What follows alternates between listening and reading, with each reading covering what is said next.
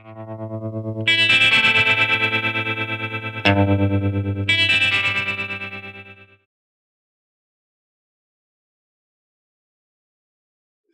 dobry Państwu. Dzisiaj chciałem zacząć cykl wykładów na temat Holokaustu od źródeł tego niebywałego zupełnie w historii ludzkości wydarzenia, jakim było wymordowanie praktycznie większości Żydów zamieszkujących Europę. Wszystkich zastanawia, jak się to mogło stać, że naród, jak mawiano filozofów i poetów, dokonał największej zbrodni w dziejach ludzkości. Bardzo wiele na ten temat napisano, bardzo wiele było na ten temat polemik. Ja chciałem przedstawić to, co ja uważam, jakie były główne powody, co, co musiało się stać, aby ta straszliwa zbrodnia miała miejsce. I ja to określiłem jako czterech jeźdźców apokalipsy, mówiąc językiem e, obrazowym, że były cztery czynniki, które musiały się połączyć, aby do tej zbrodni mogło dojść. Dwa te czynniki miały charakter ideologiczny, i właśnie o tym dzisiaj będziemy mówili, a dwa polityczny. Te czynniki ideologiczne to były przekonania ogromnej ilości ludzi, nie tylko Niemców, całej ówczesnej y, Europy czy cywilizacji, jakbyśmy to dziś powiedzieli, euroatlantyckiej, bo to również obejmowało Stany Zjednoczone, y, Amerykę Łacińską, y, mianowicie antysemityzm. Antysemityzm, który był zjawiskiem tak starym jak obecność Żydów w Europie, datująca się jeszcze od czasów Imperium Rzymskiego i który przetrwał niestety również Holokaust.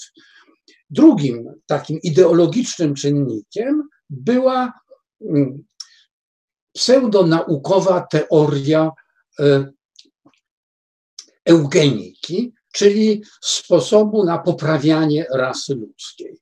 I te dwa przekonania, oba zresztą podbudowane pseudonauką, jak to dziś nazywamy, a wówczas, wówczas uważano to za naukę, stanowiło, stanowiły to podgrebie ideologiczne, które doprowadziło potem wraz z dyktaturą y, Adolfa Hitlera i wybuchem wojny do tego, co się stało. Czyli były cztery czynniki: dwa ideologiczne, antysemityzm i teoria eugeniki, i dwa polityczne, czyli dyktatura jednego człowieka i jednej partii oraz wybuch wojny.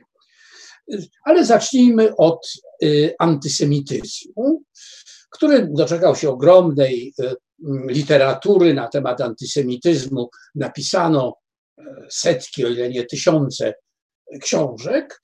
E, różnie on jest e, definiowany. Ja przytoczę Państwu definicję sformułowaną przez takie stowarzyszenie walczące z antysemityzmem obecnie w Polsce Otwarta Rzeczpospolita. Brzmi ta definicja następująco, że antysemityzm to negatywna postawa wobec Żydów, na ogół łącząca emocje, antysemityzm jako irracjonalna namiętność oraz elementy poznawcze, antysemityzm jako pseudoracjonalny światopogląd której przejawami są głoszenie różnych negatywnych opinii o charakterze stereotypów na temat Żydów, przypisywanie Żydom roli sprawców najrozmaitszych niekorzystnych zjawisk społecznych, a także, choć niekoniecznie, zachowania o charakterze dyskryminacyjnym, czasem łączące się z użyciem przemocy, y, warunkowy charakter występowania tych ostatnich wynika z faktu, że antysemityzm może funkcjonować w zbiorowości, w której rzeczywiście Żydów praktycznie nie ma, czym różni się od ksenofobii. To jest skomplikowana y, mm, definicja, ale o tyle jest ona istotna, że ona pokazuje, że antysemityzm to mogą być przekonania, to mogą być uprzedzenia, stereotypy, ale to również mogą być działania i to działania zbrodnicze, do, do czego dochodziło wielokrotnie, bowiem zbrodnie popełniane na Żydach mają swoją długą historię. Dla pewnego kontrastu przytoczę e, definicję antysemitów. Dlaczego antysemici tak nie lubią tego określenia? To jest zaczerpnięte z jednego z pisemek e, antysemickich ukazujących się obecnie w Polsce. Antysemityzm to nic innego jak skrajnie ksenofobiczny neologizm stworzony i propagowany przez żydowskich nacjonalistów. Dla wszystkich innych narodów są zarezerwowane ogólnie dostępne pojęcia definiujące niechęć do innych nacji, jak ksenofobia, rasizm, nacjonalizm, szowinizm. Żydowscy nacjonaliści ukuli nowe pojęcie, które rzecz jasna dotyczy tylko i wyłącznie Żydów, bo nie może być tak, aby nienawiść do Żydów mieszała się z pospolitą nienawiścią do pozostałych gojów. Dlaczego jest to absolutnie błędne przekonanie? Powiem, bo rzeczywiście ksenofobia, y, niechęć do innych narodów jest tak stara jak mm, ludzkość, niechęć do innych. Antysemityzm jednak tym się różni od tych wszystkich innych niechęci, y, y, stereotypów i tak dalej, że trwał przez całą historię obecności Żydów e, w cywilizowanym świecie, trwa do dzisiaj i, jak powiadam, doprowadził do e, zbrodni, doprowadzał do zbrodni przez te dwa czy cztery tysiące lat, w których był propagowany. E, jest oczywiście wiele definicji e, w, literaturze światowej. Centrum Rasizmu i, i e, Europejskie Centrum Rasizmu i, i, Ksenofobii sformułowało taką definicję, taka znana badaczka antysemityzmu Helen e, Feinstein zdefiniowają, no ale nie będę tych wszystkich definicji przytaczał. Mniej więcej sądzę, że Państwo wiedzą, co to jest. No i powiedzmy właśnie o tej historii. Y, ta historia, według wielu badaczy antysemityzmu, zaczyna się już w czasach rzymskich i jako przykład tych o, antysemickich postaw. Przede wszystkim przytaczani są ojcowie Kościoła, święty Jan Chryzostom, który mm, wygłosił słynne osiem kazań przeciwko Żydom y, w IV wieku. Mm, biskup mm, Sars Melito po raz pierwszy w 167 roku, a więc jeszcze w czasach świetności Imperium Rzymskiego, y, oskarżył Żydów o spowodowanie śmierci e, Boga i te oskarżenia o e, bogobójstwo stały się takim jakby standardowym e, usprawiedliwieniem e, wszelkich działań antysemickich i w większości książek o antysemityzmie tak właśnie antysemityzm jest. To, tu upatruje się korzeni antysemityzmu. Znane jest pogrom Żydów w Aleksandrii w roku 38, a więc mniej więcej w tym okresie, w którym zgodnie z Pismem Świętym miała miejsce śmierć Chrystusa. Słowem, to są jak gdyby w wielu opracowaniach tak przedstawiane są początki antysemityzmu. Mnie się wydaje jednak, że jest to pewne nadużycie i tu bym się zgodził, że ten przejawy niechęci wobec Żydów w starożytności, myślę tutaj w Imperium Rzymskim, e, e, a potem mm, w Imperium Bizantyjskim, były raczej incydentalne. Te napaści ojców Kościoła miały nie tyle charakter mm, antysemicki, jakbyśmy to dzisiaj powiedzieli, tylko to była konkurencja. W tamtych czasach religia żydowska była religią misyjną. Nawracano na judaizm, tak jak chrześcijanie nawracali na chrześcijaństwo, ponieważ te dwie religie były bardzo blisko siebie, bardzo się wyraźnie, dwie monoteistyczne religie, bardzo odbijające od e, politeistycznych religii panujących w Imperium e, Rzymskim była to raczej konkurencja niż niechęć. co zresztą widać wyraźnie w tych kazaniach świętego Jana, gdzie raczej jest to nawoływanie chrześcijan, żeby nie uczestniczyli w żydowskich obrzędach. Zresztą cały ten okres mniej więcej tysiąca lat od tych od, od, osiedlenia się Żydów w Imperium Rzymskim, co nastąpiło jeszcze przed zburzeniem Jerozolimy, ale y, miało duże nasilenie po zburzeniu Jerozolimy w 70 roku, a zwłaszcza po powstaniu Bar Kochby y, w II wieku. Y, Żydzi stanowili w ówczesnej, ówczesnym Imperium Rzymskim warstwę nawet powiedziałbym uprzywilejowaną. Odwiedzamy Gironę, takie miasto na południu Hiszpanii, które zresztą było e, w tamtym czasie pod panowaniem, pod panowaniem Maurów, czyli e, e, muzułmanów. Widzimy, że było to niezwykle bogate miasto i Żydzi stanowili jakby śmietankę tego miasta. I podobnie było w innych miastach europejskich czy to na południu Francji, czy to w, nad Renem, w całej ówczesnej rzymskiej Europie Żydzi byli ta, tą warstwą raczej wyższą, no, no, pełnili wiele ważnych funkcji, byli załóżnikami książąt i królów. Z, tych historii jest bardzo wiele. Zresztą wtedy bardzo często przechodzili z, z, z chrześcijanie przechodzili na mm, islam, na przykład spowiednik e, króla e, francuskiego Fryderyka Pobożnego przeszedł na, na judaizm. Słowem, tego typu e, było bardzo dużo małżeństw mieszanych. Słowem, i nie było prześladowań. I cały ten okres to jest okres trwający tysiąc lat, więc tak długo jak okres naszej historii e, zapisanej polskiej, nastąpiło bardzo duże wymieszanie i dzisiejsze badania genealogiczne pokazują, że europejscy Żydzi e, byli bardzo wymieszani z europejskimi chrześcijanami, bo jak wiadomo, od czasów e, po Konstantynie Wielkim ta rzymska Europa staje się Europą chrześcijańską.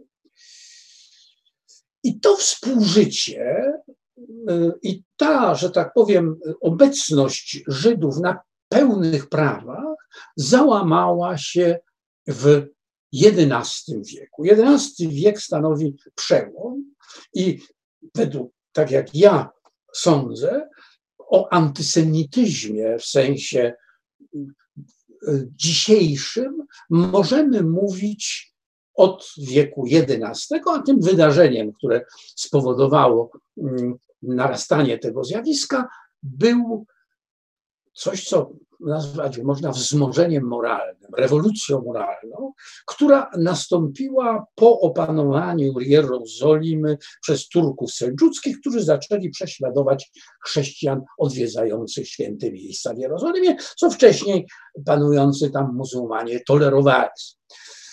I na y, synodzie mm, w Clermont papież Urban II wezwał do świętej wojny przeciwko niewiernym. Y, nastąpiło takie bardzo duże wzmożenie w całej Europie. I pierwsza krucjata, czyli wyprawa przeciwko niewiernym, to nie była wyprawa wojenna, to była wyprawa ludu, pod wodzą mm, e, Piotra Pustelnika, która przede wszystkim skierowała się przeciwko Żydom. w Ziemi Świętej było daleko.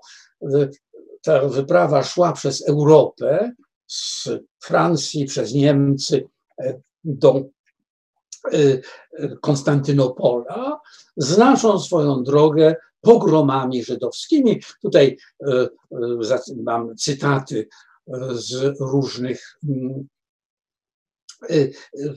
opracowań na ten temat. i w formacji, w mm, kolonii, całym, w, ca, w całej nadrenii, gdzie bardzo wielu Żydów mieszkało i właśnie mm, stanowili tą, nazwijmy to, arystokrację tamtejszych osiedli, miała, miało miejsce, miała miejsce seria pogromów straszliwych, które w literaturze przede wszystkim izraelskiej często nazywane są pierwszym Holokaustem po wyprawie tej, która nieudanej zresztą, bo oczywiście e, ta, ta wyprawa została rozbita w puch przez muzułmantów już w Azji, w Azji Mniejszej, wyruszyła prawdziwa wyprawa rycerska, wojskowa e, do Ziemi Świętej, no i wreszcie w 1990, 1190, 1999 roku doszło do oblężenia Jerozolimy, wreszcie Jerozolima została zdobyta, no i tam miały miejsce straszliwe sceny, opis, opisy mm, okrucieństw, jakie się dopuszczali krzyżowcy w Jerozolimie, do dziś jak się czyta są straszliwe. Przeczytam jeden. Po wielce okrutnym pogromie Saracenów, których 10 tysięcy padło w jednym miejscu, zwrócili swe miecze przeciwko poganom biegającym bezładnie po mieście, którzy we wszystkie strony pierzchali z obawy przed śmiercią. Przebijali kobiety, które schroniły się w pałacach i domach, z objęć matek albo z kołysek porywali niemowlęta i trzymając je za stopy ciskali nimi o ściany i przetrącali im karki. Niektórych zabijali bronią, albo też obrócali ich kamieniami. Nie oszczędzili żadnego poganina, skądkolwiek by pochodził, albo kim był. Oczywiście w Jerozolimie mieszkało wówczas wielu Żydów i oni również padli ofiarą tego straszliwego e, pogromu, który dotknął mieszkańców, mieszkańców tego miasta. E, to jest zresztą ciekawe, że e, dzisiaj że dzisiaj co do wypraw krzyżowych są dwie zupełnie różne opowieści. Są tacy, ich prekursorem w Polsce była mm, y, Kosa Szczucka, są powieścią krzyżowcy, którzy wychwalają krucjaty jako właśnie mm, wspaniałe dzieło Boże, które pozwoliło na odbicie grobu pańskiego z rąk niewiernych. No i są tacy, którzy mówią, że było to niezwykle okrutne, e, nie mające nic wspólnego z e, chrześcijaństwem, e, wojenne dzieło zniszczenia. No i jak obchodziliśmy nie tak dawno tysiąclecie krucjat, to byli tacy, którzy e, zamawiali msze dziękczynne za to wielkie dzieło i byli tacy, którzy zamawiali e, e, msze pokutne. Takim właśnie był Jan Paweł II, który pokutował za te wszystkie zbrodnie, których dopuścili się krzyżowcy.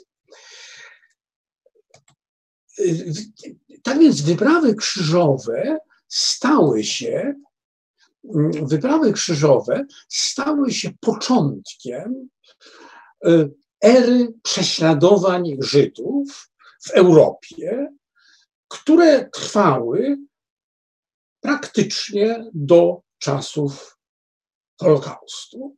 Z różnym natężeniem w różnych krajach, tam e, dodatkowym wzmożeniem e, tych antyżydowskich nastrojów była druga wyprawa krzyżowa 1147-1149 y, i ta niechęć do Żydów, ta, ten antyżydowskie, powiedziałbym, wzmożenie moralne w całej Europie zostało w pewnym sensie skodyfikowane na, y, w trakcie y, Soboru Laterańskiego w roku 1215. Ten sobór zwołany przez Inocentego III zreformował chrześcijaństwo w ogromnej mierze. Do dzisiaj podwa, podwaliny naszego wiary chrześcijańskiej tam zostały sformułowane, między innymi e, tam e, wprowadzono dogmat o rzeczywistej obecności ciała Chrystusa w hostii, Ale również Sobór Laterański dokonał bardzo, do, usankcjonował prześladowania Żydów. Mianowicie wówczas to nakazano, oczywiście władza świecka miała to egzekwować, odróżnianie Żydów od innych. Przeczytam ten fragment uchwał Soboru Laterańskiego.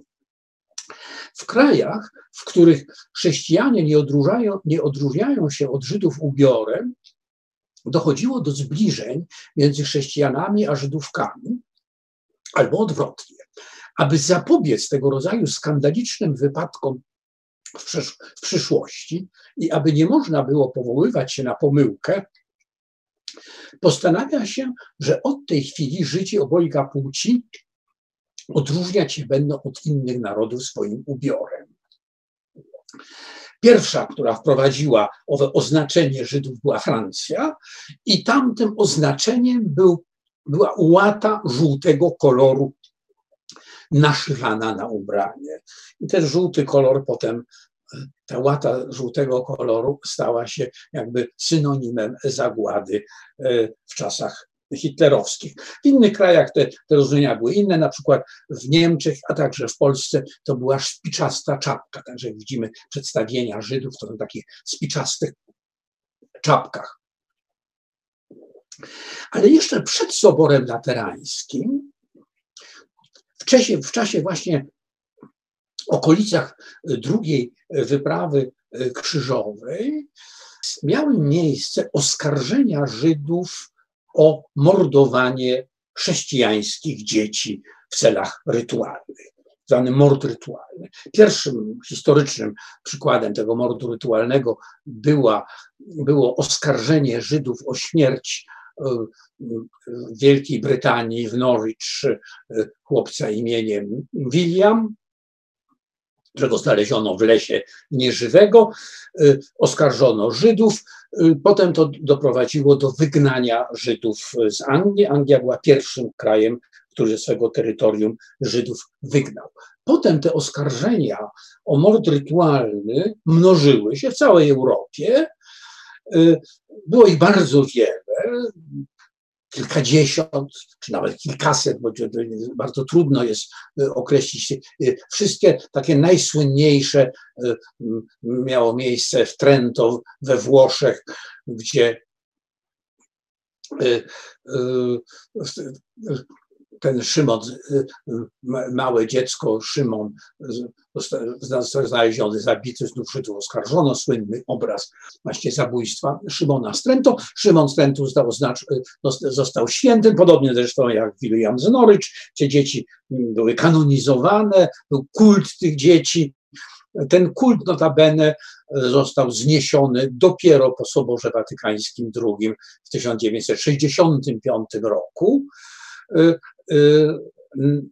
natomiast lefebryści do dzisiaj y, y, uważają Szymona Strentu za świętego. To się przewaliło przez całą Europę do czasu, kiedy Żydzi z Europy znikli. Dlatego, że właśnie wyprawy krzyżowe były początkiem ogromnego egzodusu Żydów europejskich na wschód. Polska nie wzięła udziału w, tej, w tym wzmożeniu e, moralnym, czy jakbym nazwał to niemoralnym, e, jaki przyniosły za sobą wyprawy krzyżowe. I y, Polska stała się tym azylem, do którego przenosili się Żydzi z zachodniej Europy. Pierwsze, pierwsze przyjazdy Żydów do, do Polski miały miejsce już e, podczas pierwszej wyprawy krzyżowej na początku XII e, wieku, e, ale wielka fala ruszyła w XIII wieku, w czasie drugiej wyprawy krzyżowej. Leszek Biały, jak wiadomo, nie wziął udziału w tej wyprawie, mimo wezwań papieża. No słynne jego powiedzenie, że nie może jechać do Ziemi Świętej, bo słyszał, że tam nie ma mm, piwa ani miodu, a on bez piwa ani miodu wojować nie potrafi. W końcu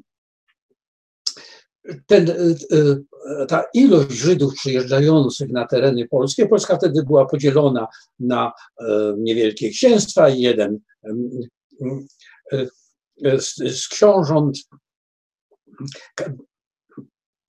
nadał przywileje Żydom, słynny e, traktat kaliski, który potem przez e, Kazimierza Wielkiego został rozszerzony na całą Polskę, który nadawał Żydom bardzo wiele przywilejów, który, którymi cieszyli się formalnie rzecz biorąc do końca istnienia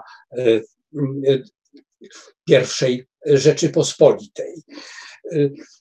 Takim wielkim też egzodusem Żydów była czarna śmierć, wielka zaraza na początku XIV wieku. Żydzi byli oskarżeni o zatruwanie e, studni, o roznoszenie zarazy. E, wtedy też właśnie wielka fala Żydów e, przyjechała. No i wtedy tym takim ich opiekunem, powiedzmy, tym, który zapewniał im nie tylko bezpieczeństwo, ale właśnie przywileje, był Kazimierz Wielki. Kazimierz Wielki w takiej, powiedziałbym, folklorystyce żydowskiej chodzi za takiego wielkiego opiekuna e, Żydów. Tyle, jeżeli chodzi o, o Polskę, ale oczywiście e, od wieku XVI, kiedy Żydów na zachodzie Europy już nie było, e, wiemy, że po mm, zakończeniu konkwistu, konkwisty Żydzi zostali wygnani przez chrześcijańskich monarchów z Hiszpanii i osiedlili się w większości na południu Europy i w krajach Bliskiego Wschodu, tak zwani Żydzi sefardyjscy. I to był właściwie koniec obecności e, tej wielosetletniej Żydów w Europie Zachodniej. E, ta fala oskarżeń o mordy, o mordy rytualne dotarła do Polski. Miało miejsce szereg oskarżeń o mordy rytualne. Najsłynniejsze było oskarżenie e, w końcu XVII, na początku XVIII wieku w katedrze, ten obraz Karola de Provosta pokazujący to morderstwo do dzisiaj jest w katedrze w Sandomierzu. E, ale wróćmy do e, Soboru Laterańskiego. Wówczas właśnie w czasie tego soboru było bardzo wiele, po tym soborze bardzo wiele krajów wprowadziło bardzo ostre antyżydowskie ustawodawstwo, od właśnie konieczności znaczenia e, ubioru, poprzez konieczność mieszkania w wyznaczonych dzielnicach. Dzielnicą żydowską w Wenecji nazywała się getto i stąd nazwa getto. I wówczas taką powiedziałbym alegorią tych stosunków między Kościołem, a między chrześcijaństwem a żydowskim stała się alegoria eklezji i synagogi. Eklezja jako e, panująca w koronie księżna czy królowa i synagoga z, z zawiązanymi Y, oczyma. Najsłynniejsze to przedstawienie ma miejsce. Y, można zobaczyć na, w katedrze w Strasburgu na południowej nawie dwie rzeźby sporządzone około 1230 roku, a więc bardzo niedługo po Soborze Laterańskim. Czym się charakteryzowało owo prześladowanie Żydów w, w okresie średniowiecza? Tym mianowicie, że Żydzi byli prześladowani przede wszystkim z uwagi na swą religię. Nawrócenie się na chrześcijaństwo, czasami pod przymusem, teoretycznie rzecz biorąc, pozwalało na jakby wejście e, do normalnego świata. Oczywiście miało to swoje e, pewne mm, e, problemy. Zawsze tak, by, zawsze tak bywało, że ci noworysze, którzy wchodzili do warstwy szlacheckiej, e, nie byli przyjmowani z otwartymi rękoma, ale było to możliwe. Nawrócić się na chrześcijaństwo, można było zostać, zostać szlachcicem. Tak zresztą było w całej, w, w całej Europie, mm, w Polsce szczególnie. Większość Żydów osiadła. W XVIII wieku mniej więcej 70% wszystkich Żydów mieszkających wówczas na świecie mieszkała na, teren, na terenie Rzeczpospolitej y, obojga narodów. W związku z tym niektórzy badacze ten okres nazywają nie antysemityzmem, a antyjudaizmem, bowiem kwestia nie miała charakteru rasowego czy narodowego, ale miała charakter religijny. No ale tak to wyglądało w tamtych czasach w ogóle pojęcia narodowości w dzisiejszym tego słowa rozumieniu e, jeszcze nie było. I o tym właśnie będzie druga część wykładu na temat tego, co nazywamy nowoczesnym antysemityzmem i który narodził się wraz z oświeceniem w XVIII wieku. W XVIII wieku miała miejsce kolejna wielka rewolucja intelektualna, która się nazywamy oświeceniem, która potem jak gdyby zmaterializowała się w dwóch wielkich rewolucjach. Myślę tu o rewolucji amerykańskiej i rewolucji e, francuskiej, a jej takim, powiedziałbym, wyraźnym mm, atrybutem było stworzenie pojęcia obywatela. Do tej pory w średniowiecznej Europie, czy Europie nowożytnej w okresie XVI-XVII wieku, nie było obywateli, byli poddani królów, książąt, cesarzy. I ludzie nie określali się e, narodowo, tylko określali się raczej jako właśnie poddani tego czy owego pana, bądź religijnie. Takim wyznacznikiem, zresztą te wielkie wojny religijne, które przetoczyły się przez Europę w XVI i XVII wieku z wojną 30-letnią na czele, były tego najlepszym dowodem. Walczono przede wszystkim, róż, różnicowano się przede wszystkim według religii, a nie narodowości.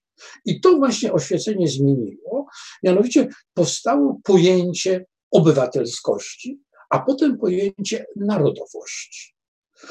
I e, początki, e, połowa XVIII wieku to jest okres wielkiego e, wzmożenia badań właśnie nad językami, no bo języki były tym, co najłatwiej i najbardziej wyraziście określało narodowość. Wtedy właśnie zrodziło się językoznawstwo i zrodziło się poczucie narodowe, i w tej dziedzinie, która nas interesuje, takim pionierem językoznawstwa w tej dziedzinie był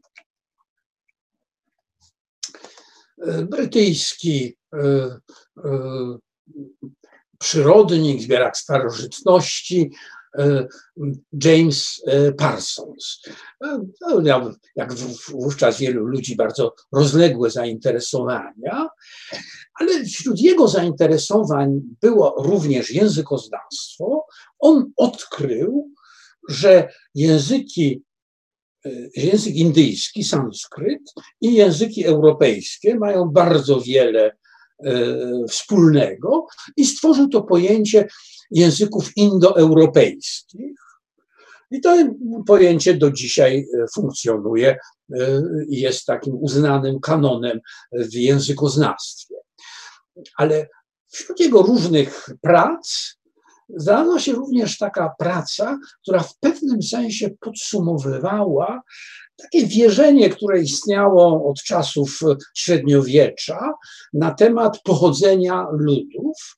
Mianowicie była, istniała taka, powiedziałbym, tak w folklorze określenie, że mm, rasy ludzkie wywodzą się od trzech synów Noego, Hama, Jafeta i Sema. No i że prawda, poddani to są potomkowie Hama, szlachta to są potomkowie Jafeta, a potomkowie Sema to są właśnie y, ludy semickie, mówiące innym językiem niż język, y, języki europejskie. No to właśnie James Parsons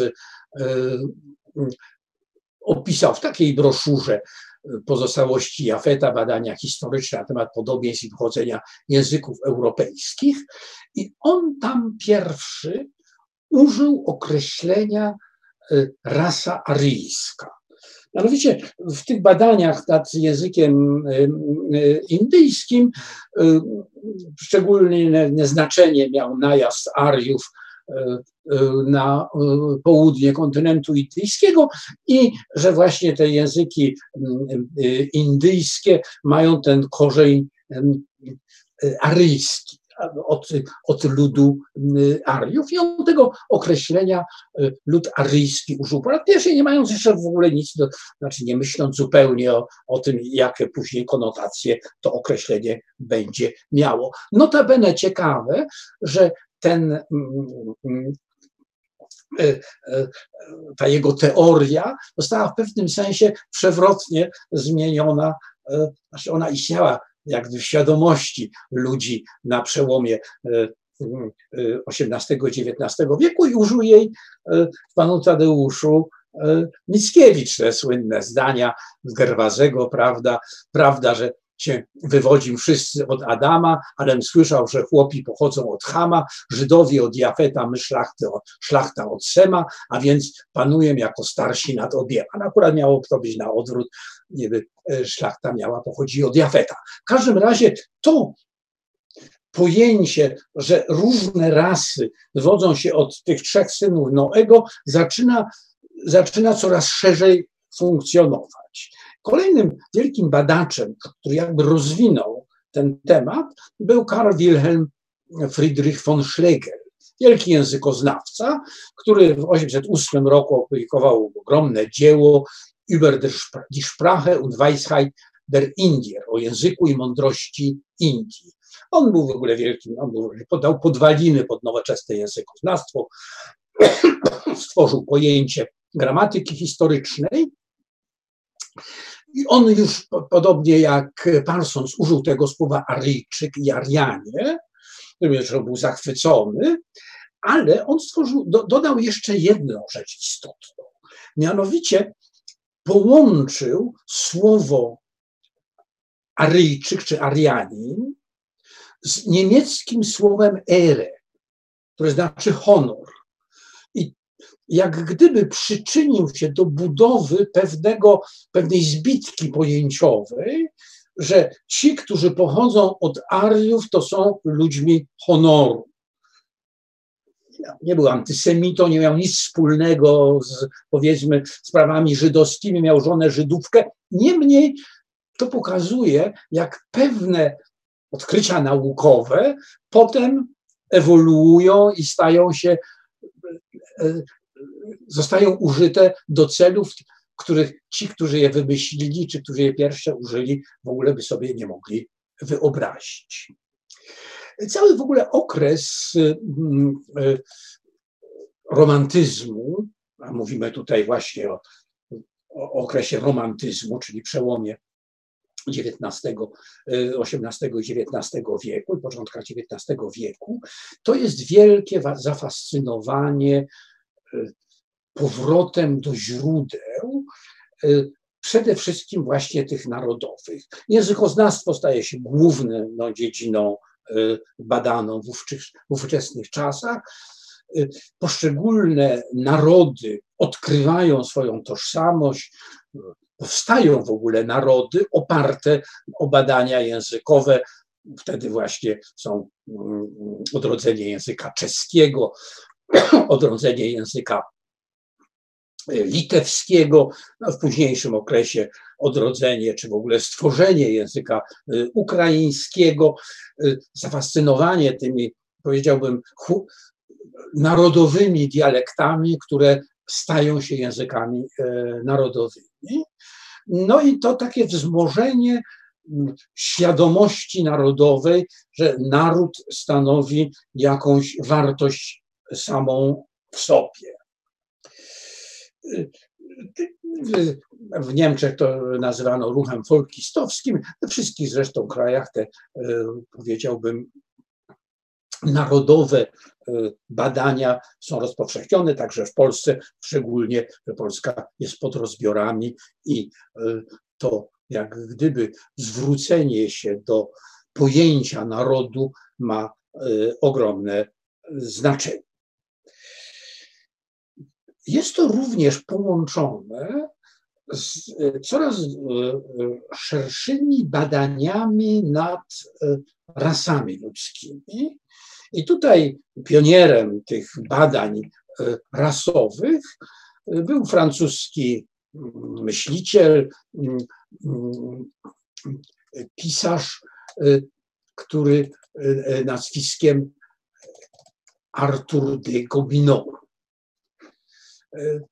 Arthur de Gobineau, hrabią, arystokratą, dyplomatą, bliskim współpracownikiem, przyjacielem Tocqueville'a, podróżnikiem, zainteresowany właśnie kulturami Dalekiego Wschodu i w 1853 85 wydał wielkie czterotomowe dzieło zatytułowane Essai sur inégalité de race humaine, czyli eseje o nierówności ras ludzkich, które stały się Biblią rasizmu. Tą Biblią rasizmu pozostają do dzisiaj.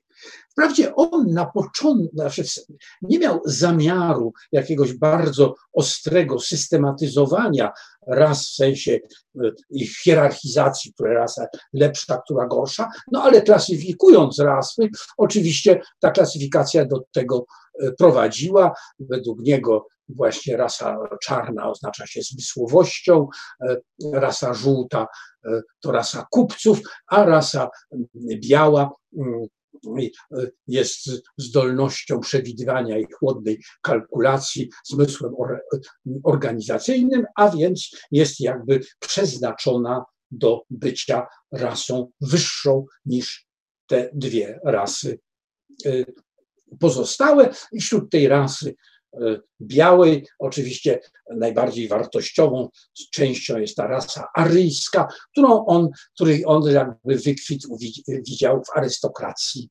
francuskiej. W eseju, w książce Gobino nie ma nic na temat e, Żydów, natomiast e, ten ruch folkistowski, ten ruch, prawda, odrodzenia narodowego niemieckiego zaczynał mieć e, już w tym czasie, w połowie XIX wieku, takie ostrze skierowane przeciwko Żydom i takim tego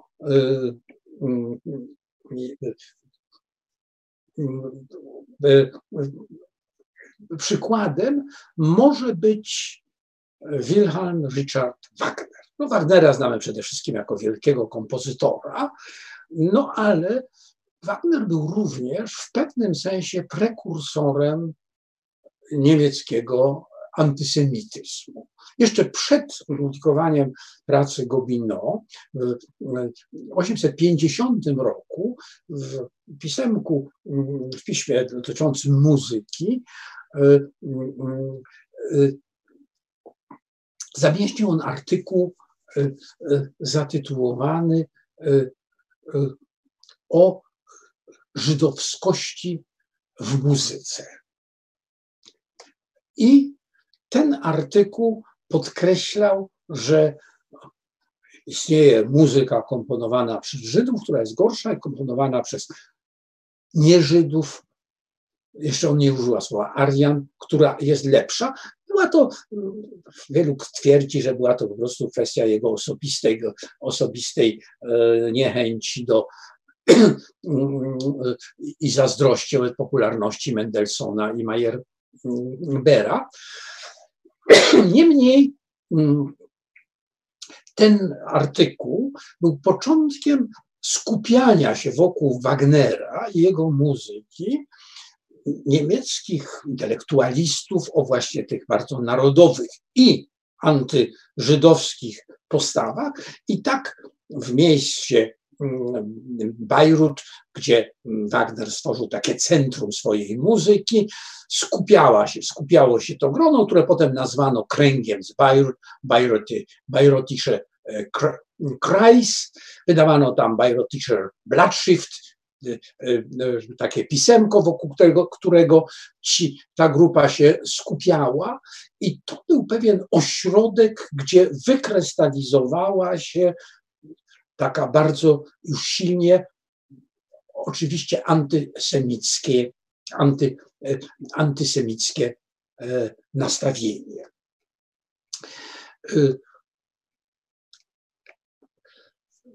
Powiedziałem słowo antysemickie.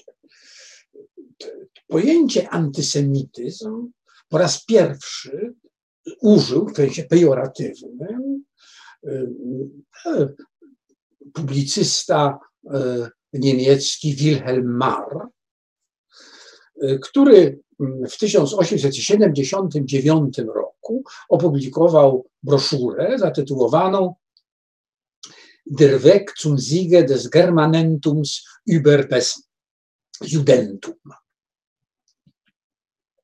gdzie przekonywał, że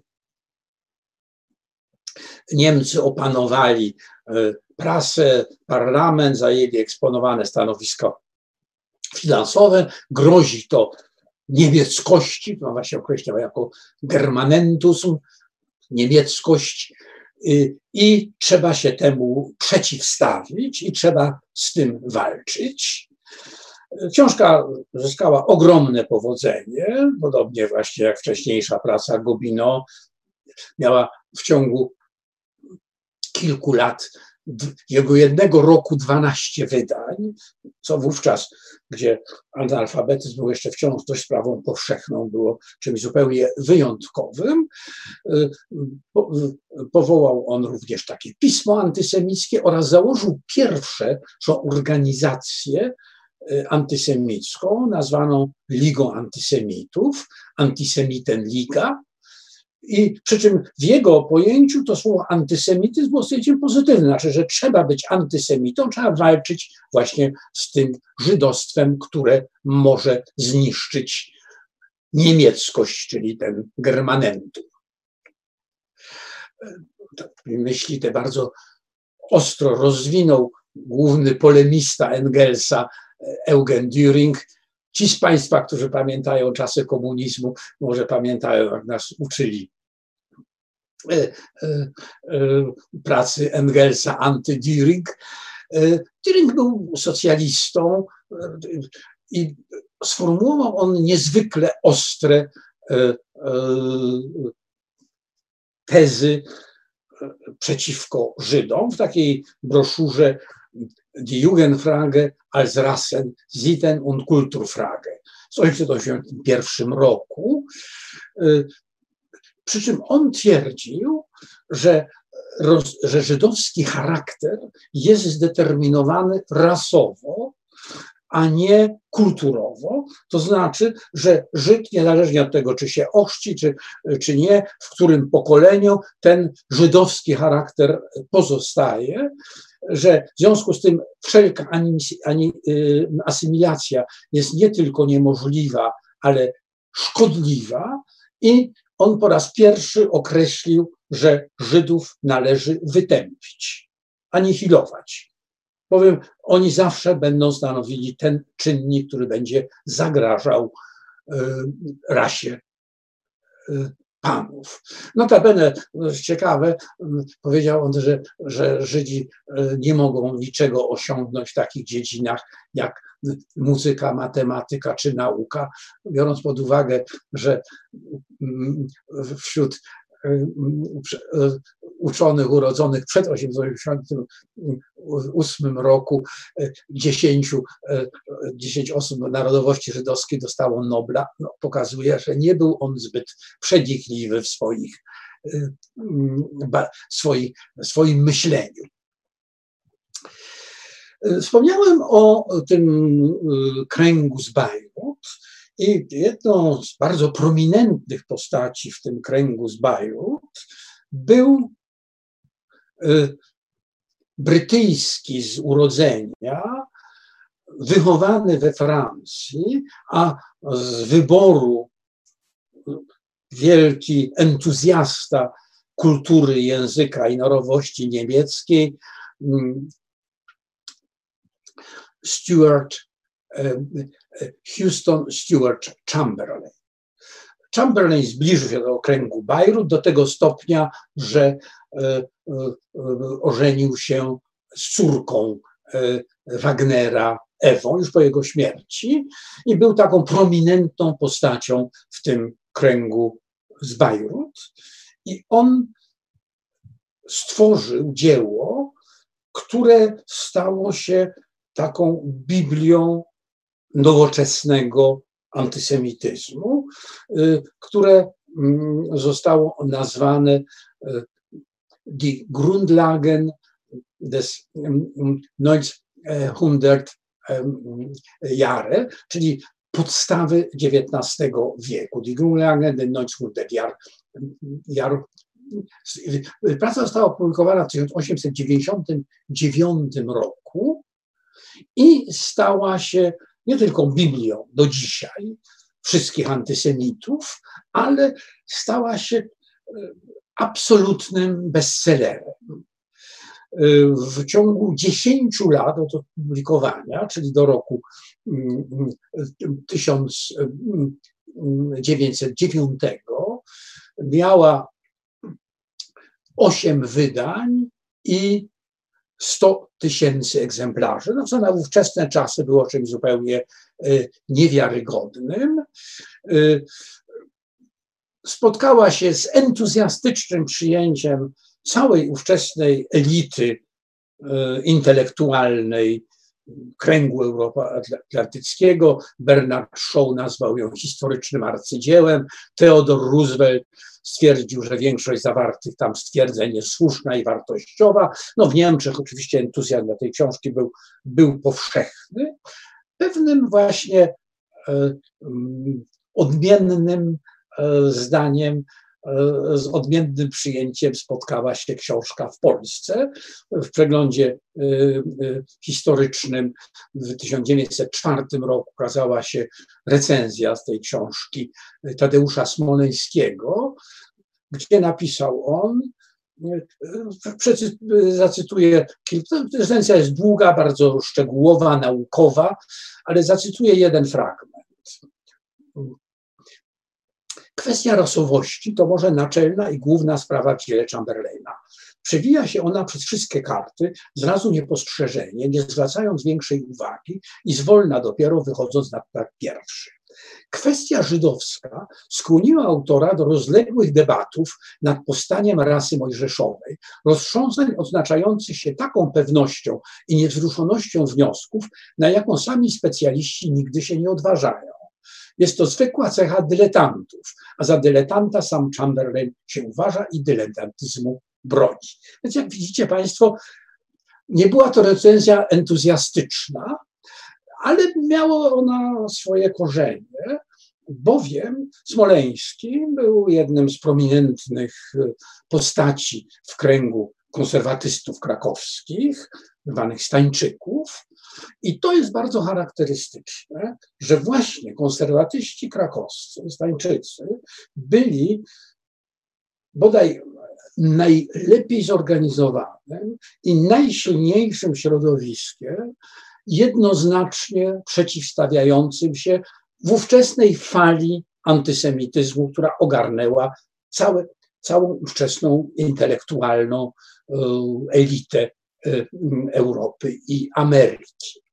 E, takim no, oczywiście papieżem Stańczyków był e, hrabia Stanisław Tarlowski, rektor uniwersytetu, drugi prezes Polskiej Akademii Umiejętności, no wielka postać, złośliwie sportretowana przez Boja w wierszyku, prawda, o starej ciotce, Y, językozna, y, y, specjalista od literatury, przez 40 lat kierownik Katedry Literatury Polskiej na Uniwersytecie Jagiellońskim.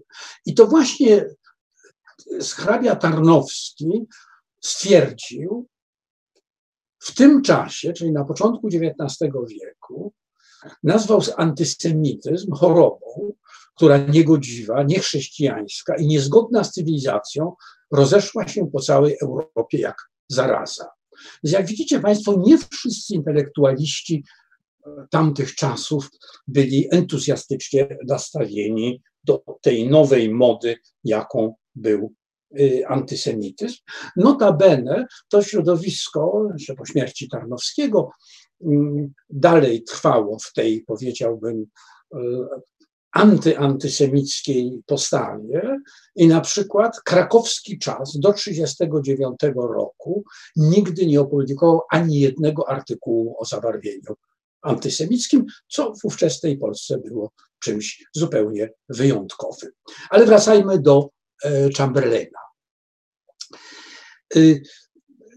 Y, w tym, w tym dziele ono jest y, bardzo, powiedziałbym, taka, to jest taka bardzo szeroka panorama y, historii ludzkości, gdzie właśnie ta kwestia rasowa jest na, na pierwszym miejscu i gdzie mm, szczególnie właśnie kwestie e, zagrożenia, jakie niesie mm, e, obecność wśród Aryjczyków, Żydów jest podkreślana.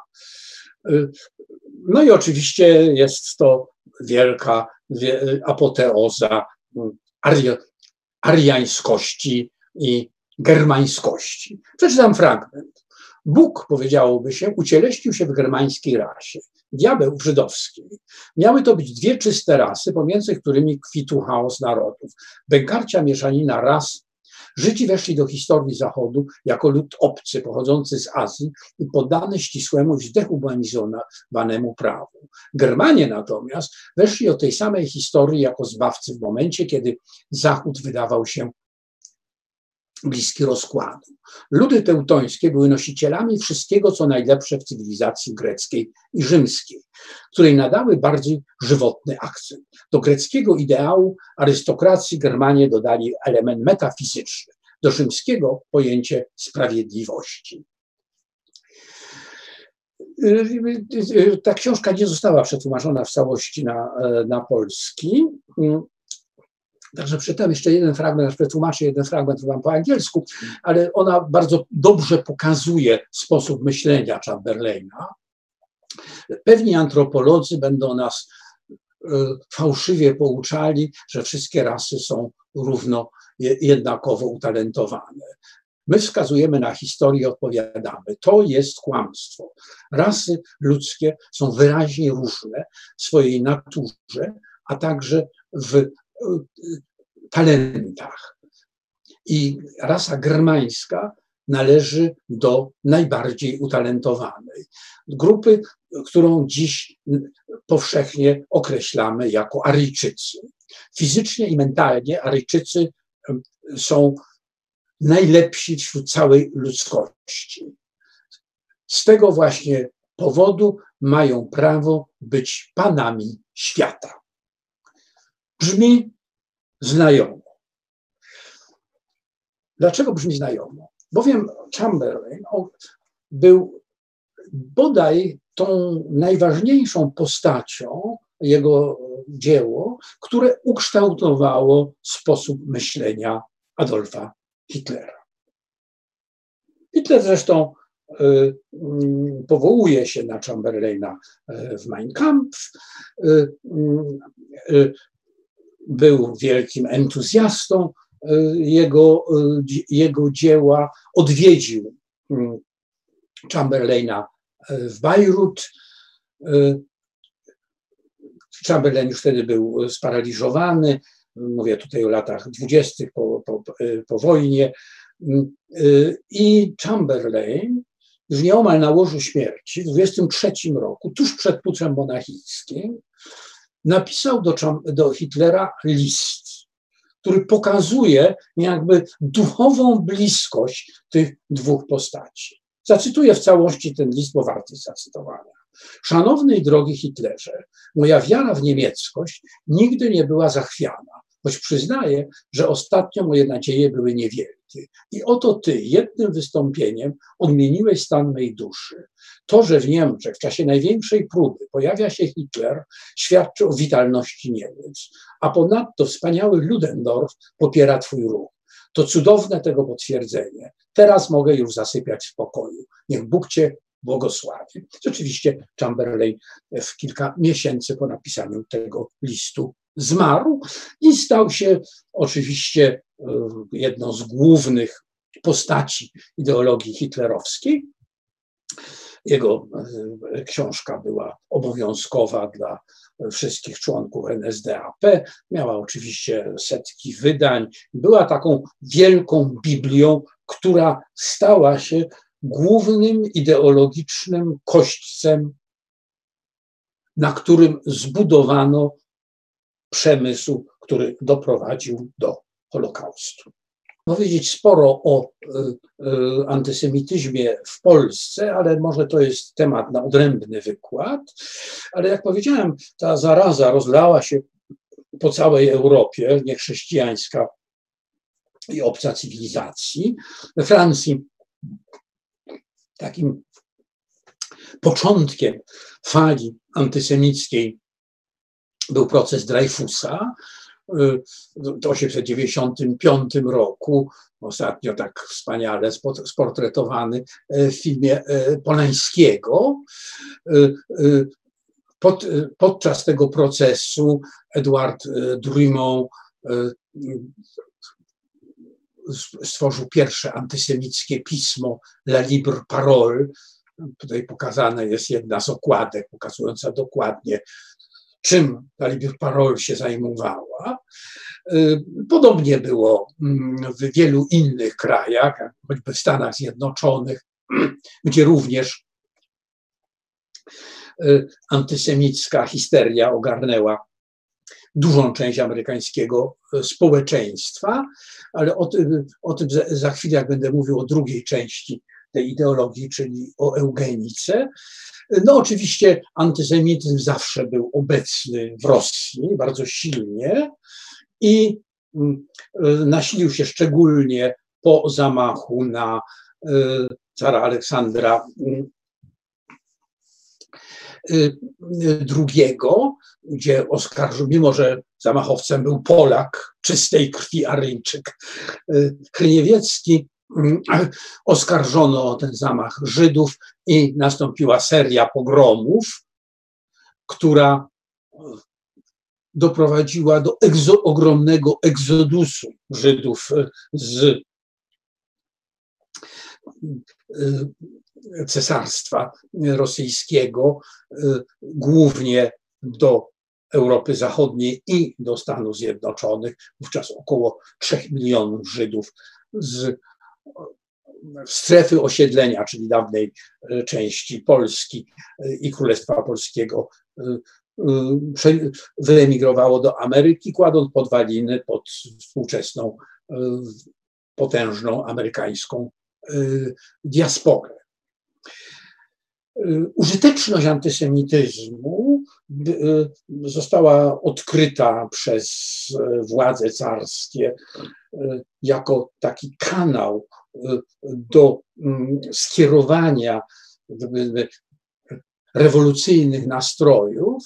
Zresztą potem było wielokrotnie powtarzane w wielu innych krajach i mm, jakby takim rezultatem tego była książka, która stała się chyba jedną z najbardziej popularnych Biblii antysemityzmu, bo książka y, Chamberlaina była jednak dla intelektualistów. To nie była książka dla każdego. Natomiast skompilowany w, na początku XIX wieku tekst, który przeszedł do historii pod nazwą Protokołu Mędrca mędrców Syjonu, stał się taką popularną Biblią antysemityzmu. To dzisiaj niezwykle popularno. Jeżeli się otworzy internet, to można zobaczyć setki, jeżeli nie tysiące y, wydań tego dzieła we wszystkich językach świata. Y, protokół Syjonu jest to rzecz o tyle ciekawa, że jest to chyba y, pięciokrotny plagiat. Plagiat, plagiatu, plagiatu. Y, długa, jest to długa historia, już do, bardzo dobrze rozpracowana. Została stworzona na początku samym XIX wieku mm, przez dwóch agentów ochrany w Paryżu, Piotra Iwanowicza Raczkowskiego i Matwieja Wasiliewicza Gołowińskiego. Mm, I było to splagiowanie y, broszury wydanej znacznie wcześniej, bo w 1964 roku w, w Brukseli y, y, przez Morisa Joliego zatytułowanej Rozmowy w piekle między Machiavellim a Monteskiuszem. To była taka, powiem, taki pamflet przeciwko Napoleonowi III. I Gołowiński z Raczkowskim nieomal połowę tej, tej książki e, wzięli i przedstawili jako nieomal e, dosłownie, że z 2560 wierszy oryginału 1040 zostało splagiowanych bez zmiany przecinka do, jako rozmowa, e, która miała miejsce e, na e, kongresie syjonistycznym w Bazylei. To, że ta rozmowa mogła mieć miejsce między Żydami, było również użyte, ten, znaczy ta, ta, ta, ta książka Joliego została również splagiowana przez niemieckiego antysemitę Hermana Goethe, który pod pseudonimem Sir John Radcliffe opublikował w 1868 roku książkę Cmentarz w Pradze, gdzie jakoby właśnie 12 mędrców żydowskich naradzało się nad losami świata. W każdym razie to, że jest to plagiat jest oczywiste, i niemniej to zupełnie nie przeszkodziło nieprawdopodobnej popularności. Pierwszy raz to się ukazało w książce książkowej w 1904 roku jako Wielko je w Małą w, w Rosji, no a potem ruszyło na świat, prawda, po francusku, po angielsku, po polsku, we wszystkich możliwych, możliwych językach. Notabene wielkim entuzjastą y, protokołu mędrców Syjonu był y, y, Adolf Hitler i w Mein Kampf co następuje. Są tacy, którzy argumentują, że jest to plagiat Maurycego Żoli. Po bliższym zbadaniu sprawy okazuje się, że protokoły są znacznie starsze i niewiele mają wspólnego z Żolim. Nie traćmy więc czasu na, na dociekania ich pochodzenia. Nie w tym rzecz. Wartość protokołów leży nie w ich pochodzeniu, ale w ich treści. Największym dowodem autentyczności protokołu jest dzisiejsza aktualność tego ohydnego planu. To jest, to słowa Adolfa Hitlera. E, to, e, e, przepraszam, to są słowa z dzisiejszej recenzji protokołów, które wydane zostało w księgarni Antyk kilka lat temu. Jest do kupienia na na Amazonie. Słowa Hitlera brzmią następująco. Frankfurter Zeitung każdego tygodnia jęczy, że protokoły są fałszerstwem, co jest najlepszym dowodem, że są one autentyczne. Najważniejsze jednak jest to, że przerażającą oczywistością ukazuje ono naturę i działalność Żydów oraz ujawniają ich ukryte motywy i ostateczne cele. Jak widzicie Państwo, dzisiejsza recenzja i e, recenzja Hitlera z Mein Kampf są bardzo do siebie podobne. Ale chciałbym teraz przejść do drugiej mody intelektualnej, która stała się drugim składnikiem tego, co nastąpiło w, po objęciu władzy przez Hitlera, czyli prześladowania Żydów, które w ostatecznym rachunku doprowadziło do Holokaustu. I tym drugim elementem było y, nauka, którą nazwano dzisiaj byśmy powiedzieli pseudonauka, którą nazwano eugeniką. Twórcą tego pojęcia był brytyjski uczony sen Sir Francis Galton. Był to niezwykła postać, geni absolutny geniusz pod każdym względem, y, który stworzył ogromną ilość wspaniałych teorii. Między innymi był twórcą, twórcą dakty, daktyloskopii. On pierwszy odkrył, że linie papilarne mogą identyfikować e, e, każdego osobnika w sposób e, wyrazisty. Napisał ponad 340 rozpraw naukowych na najprzeróżniejsze tematy. Był twórcą współczesnej meteorologii, pierwszy stworzył mapę pogody. Słowem, wielki, wielki geniusz. On są kuzynem Darwina. Ten geniusz został uznany, został uszlachcony, był członkiem wielu królewskich towarzystw naukowych. Notabene miał on również, również te zainteresowania niezwykle szerokie, mianowicie stworzył również mapę urody kobiet brytyjskich w skali 1 do, do 5. Napisał dzieło o leczeniu podagry truskawkami. No, wie, ogromnie wiele rzeczy, ale do historii przeszedł przede wszystkim jako właśnie twórca daktyloskopii, meteorologii oraz eugenii. Mianowicie w 1988 roku wydał on pracę zatytułowaną Inquiries into Human Faculty and its Development. Badania uzdolnień człowieka i ich rozwoju.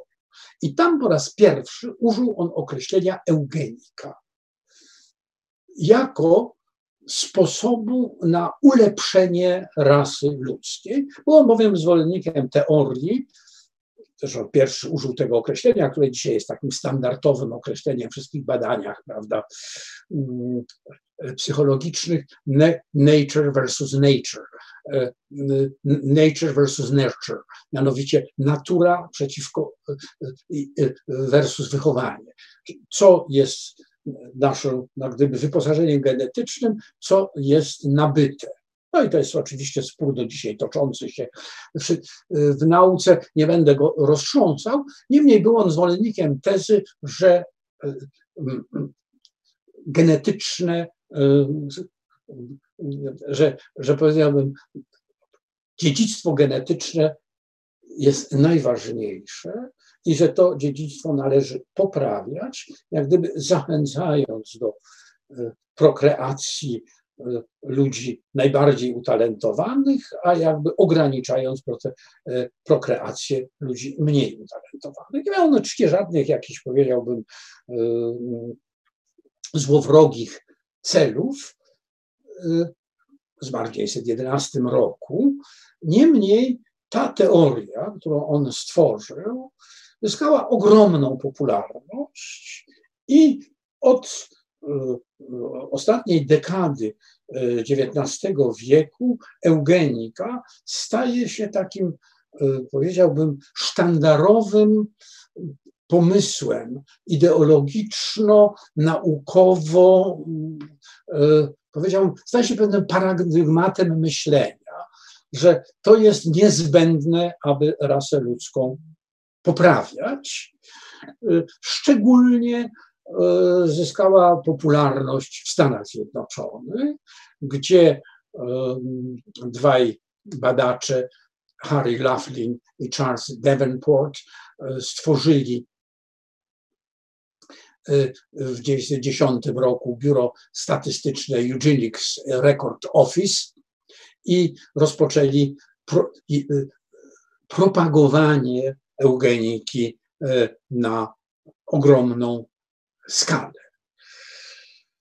I znowu, badania naukowe można prowadzić, dysputy naukowe można prowadzić. Rzecz w tym, że eugenika stała się bardzo prędko nie tylko tematem dociekań naukowych, ale również podstawą pewnych działań o charakterze prawnym i politycznym.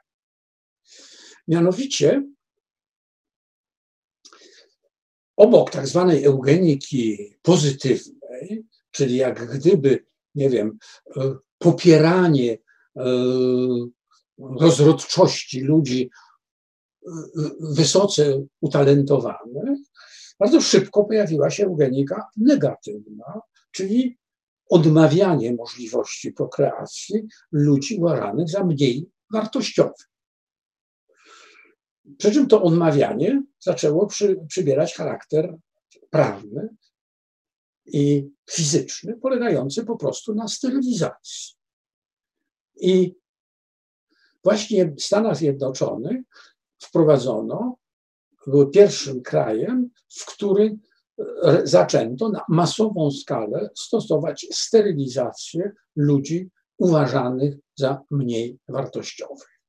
Przede wszystkim dotyczyło to w pierwszej kolejności ludzi umysłowo chorych z chorobami dziedzicznymi, ale potem y, zaczęto y, y, sterylizować głuchoniemych, bowiem uznano, że jest to również choroba dziedziczna, rdzennych Amerykanów, rasę gorszą, więźniów. Często te sterylizacje odbywały się bez wiedzy i zgody tych, którzy byli e, e, poddani. W sumie w 33 stanach przeprowadzono ponad 65 tysięcy sterylizacji i w zasadzie formalnie rzecz biorąc e, sterylizacja była praktykowana do połowy ubiegłego stulecia. Innym krajem, gdzie na szeroką skalę dokonywano sterylizacji. I to do lat 70. była Szwecja, przy czym na podstawie nieraz zupełnie mm, arbitralnych decyzji wystarczyło, że, że kogoś uznano za prostytutkę czy włóczęgę i był on poddawany przymusowej sterylizacji.